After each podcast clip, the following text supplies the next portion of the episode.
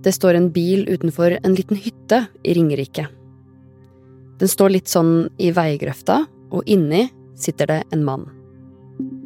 Hvorfor han er der, og hvorfor han nå er død, er det få som vet. Men hvem han er, det blir fort klart for mange.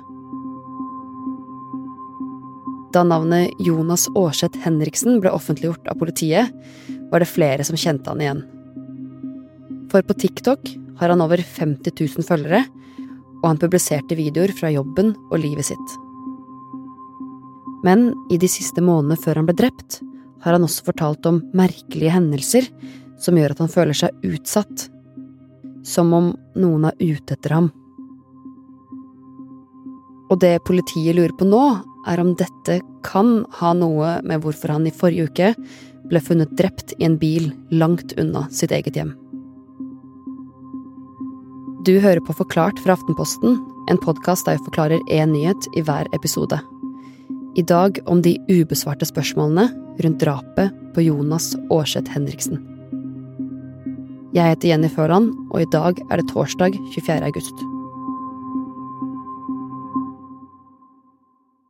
Dette handler om en mann som uh, har blitt drept, og i forkant av drapet så fortalte Jonas om vold, hærverk og brannstiftelser som han uh, ble utsatt for. Det er ingen som er identifisert som gjerningsperson for disse hendelsene, og politiet heller ikke pågrepet noen for drapet på Jonas. Så den saken her, den er uh, veldig spesiell og et stort mysterium der vi står nå. Øystein Millie er krimkommentator i VG og en av programlederne i podkasten Krimpodden. Jonas eh, er jo da 30 år og kommer fra Hønefoss. og Han driver et eh, firma som heter eh, Henriksen Solutions. Og så er han veldig interessert og jobber med lastebiler. Jonas han har dratt i land tittelen som norgesmester i proffklassen når det kommer til å legge kjetting på lastebil. Og I dag er jeg eh, på yrkes-NM i Kristiansand. Var dommer i går, skal være kommentator i dag. Men samtidig har han også blitt en profil på sosiale medier. Men uh, først og fremst så driver jeg mitt uh, eget firma og har uh, fem lastebiler og På TikTok har han over 50 000 følgere. Jeg vet at jeg vanligvis aldri legger ut noe seriøst her på TikTok, men i dag må jeg faktisk ta opp en meget seriøs ting med dere. Og det er Bluetooth handsfree. Bluetooth ble lansert i Jonas eh, sitt eh, innhold i sosiale medier bærer jo preg av at dette er en mann som ønsker å vise frem det han driver med, og det han er glad i og det han brenner for, og jeg opplever at han også har lyst til å spre det til andre, kanskje for å inspirere og ja, vise, vise hvor fint han syns det er å holde på med, med, lastebiler. Han var jo en stor mann på sosiale medier. Det er humor, det er videoer som viser livet som, som en da lastebilentusiast eller lastebilsjåfør. Men for litt over to år siden legger han ut en video med en litt mer alvorlig tone. Ref den eh, videoen jeg la ut i går om at det skjer litt mye stressende ting om dagen. Akkurat som at eh, det er noen som er liksom ute etter oss. Eller eventuelt meg, da. Så ble jeg ringt og vekka av politiet på morgenen i dag, Ja. Det er jo da en video som Jonas deler, hvor han eh, forteller sine følgere at han ble vekt av politiet, og at det hadde vært brann i verkstedet hans. Og Sånn som det ser ut på videoen, så er det også en bil, kanskje da en bobil, som har blitt ramma av brann. Og her har eh, flammene tatt ganske greit, da. Og dette er jo da den første av flere hendelser som uh, han uh, i, i, tida før drapet har uttrykt bekymring for.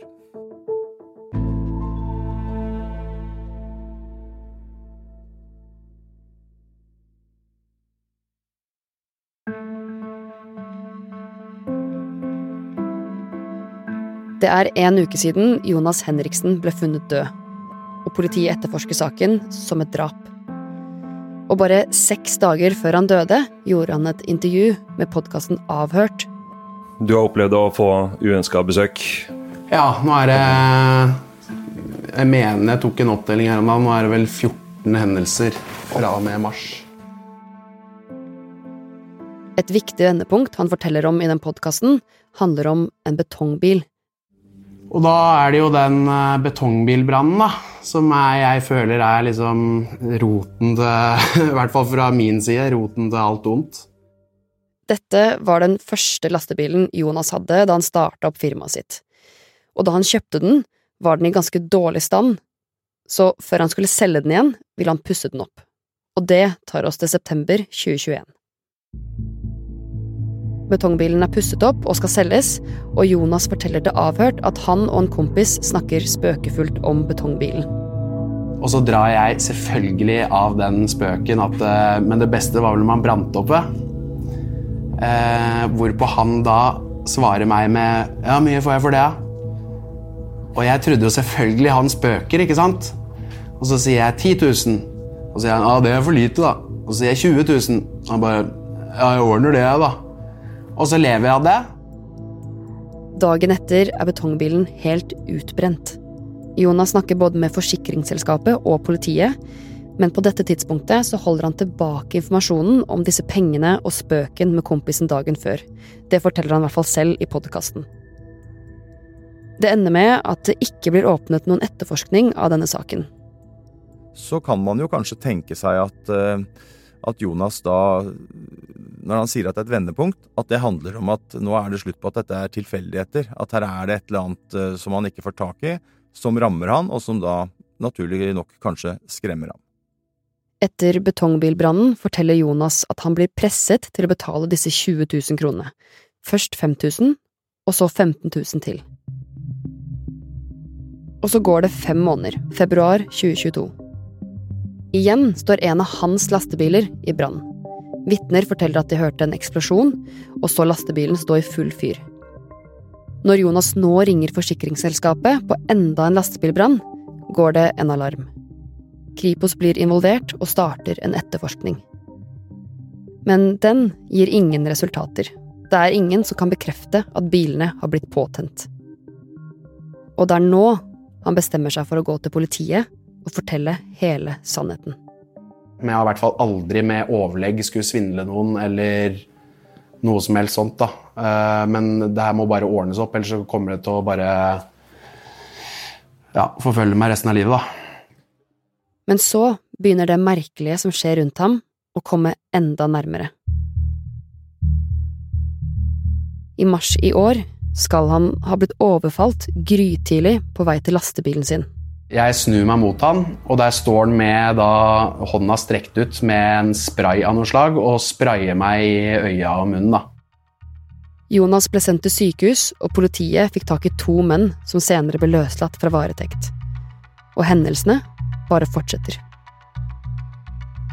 Tidlig på sommeren i år så deler jo da Henriksen et lengre innlegg på Facebook, og der forteller han om ulike branner, forsøk på brannstiftelse vold og hærverk.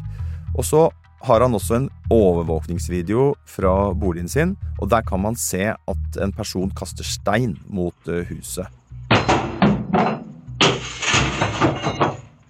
I tillegg så publiserer Jonas eh, bilder av det som skal være forsøk på brannstiftelse av både en bil og en motorsykkel. Eh, og han har også et annet bilde som viser at en av firmabilene hans blir, blir utsatt for tagging. Og så, utover juni, så opplever han å få flere nattlige besøk, og en bil som står utafor eh, en bolig som han leier ut, blir også utsatt for hærverk. Og i sommer begynner navnet Jonas å dukke opp flere steder i Hønefoss. Bussholdeplasser, vegger, skilt, garasjedører blir tagget med ordene Tyster-Jonas. Hva betyr det for saken, Øystein? Ja, Det vet man jo ikke, men det er jo noe politiet helt sikkert eh, jobber med. Det er ikke sikkert det er noen sammenheng med volden, hærverket og brannen, men samtidig så er det ikke tvil om at timingen er veldig spesiell. Og når det er skjedd så mye over en ganske begrensa periode, og det ser ut til at det kanskje har eskalert litt til og med like før drapet, og det er klart at dette er ting man ser nøye på nå, etter at eh, Jonas ble funnet eh, drept eh, ved en hytte i Nes i Ringerike på torsdag. Jonas ble funnet i en bil halvveis ute i grøfta i nærheten av en hytte. Hytteeieren sier at han ikke kjente Jonas, og Jonas skal heller ikke ha noe tilknytning til stedet han ble funnet. Hvorfor Jonas var på dette stedet er et av de helt sentrale spørsmålene, eh, og politiet jobber etter en rekke hypoteser. Det kan jo tyde på at han har dratt dit av egen fri vilje fordi han sendte sin posisjon til en kamerat, og han eh, delte ingen bekymringer, så langt vi vet, eh, på det tidspunktet. Eh, og så er jo en teori politiet har, at han har blitt eh, lokka, lurt dit. At han kan ha fått eh, en eller annen form for et møte med noen, men man vet da ikke hvem disse noen eventuelt er. Det er noe politiet jobber med å finne ut av. Ja, hvilke spørsmål er det politiet prøver å finne svar på nå? Ja, bortsett fra at vi selvfølgelig ser på det bakteppet som vi har gått gjennom, så, så er det jo viktig å slå fast når ble Jonas sett i live siste gang? Hva har han fortalt til de som uh, står uh, ham nær og hatt kontakt med ham? Om hva han skulle, og som, eh, hvordan livet hans eh, rett og slett var de siste dagene, om det er noe der som kan kaste lys over denne saken her. Og så er det jo det neste, og det jobber man fortsatt med, det er jo å finne ut av eh, hva gjorde at Jonas befant seg ved denne hytta og til tjernet ganske langt til skogs i dette hytteområdet i, i Nes i Ådal. Og så er jo alltid selvfølgelig funnstedet og åstedet viktig, og i denne saken så er jo viktig for politiet å finne ut av om, eh, om han er drept på det stedet han er funnet, eller om han er drept et annet sted og frakta dit. Hvis det skulle vært to åsteder, er det viktig for politiet å undersøke begge stedene. Der han ble funnet, og der han ble drept. Det kan være fotavtrykk, det kan være DNA, det kan være andre typer bevis som gjør at man kan komme på sporet av en gjerningsperson. Men enn så lenge så vet vi ikke om det er snakk om flere steder, og politiet jobber fremdeles ved denne hytta der han ble funnet. Bilen hvor han er funnet er jo helt sentralt å undersøke grundig kriminalteknisk. Eh, det kan være at gjerningspersoner har avsatt fingeravtrykk, eh, DNA-spor eller andre bevis som gjør at politiet kan eh, komme på sporet av dem. Men Øystein, det her er jo en helt spesiell sak som mange kommer til å huske. Hva er det som gjør at den skiller seg fra andre kriminalsaker? Først og fremst så er det jo fordi at bakteppet er helt unikt. Jeg kan ikke huske noen som har blitt drept, og som har et så eh, både langvarig eh, trusselbilde mot seg, men også som er så sammensatt. Vi har jo vært igjennom alt, og det er jo alt fra fysiske handlinger i ulike former til da tagging, eh, hvor han ble kalt tyster.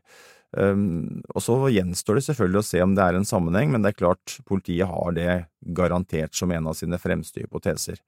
Og så er det jo ting ved selve drapshandlingen og drapsstedet som er veldig spesielt. Um, det ser ut som Jonas har blitt uh, ja, bedt av noen å komme dit han ble funnet. Det er ingen umiddelbar naturlig grunn til at han skulle befinne seg der på annen måte, så vidt vi vet nå. Det er ingen opplysninger om at han har et naturlig, en naturlig tilknytning til dette stedet. En del drap er jo ganske enkle å oppklare, fordi at de skjer ganske akutt. Eh, det er en situasjon som eskalerer, og så går, eh, mister noen kontroll og dreper en annen en. Kanskje til og med gjerningspersonen ringer politiet selv, mens eh, noen få saker er jo da en annen kaliber, nemlig at de er planlagt, og de er av de grunner vanskeligere å oppklare. Så politiet står overfor en skikkelig utfordring nå.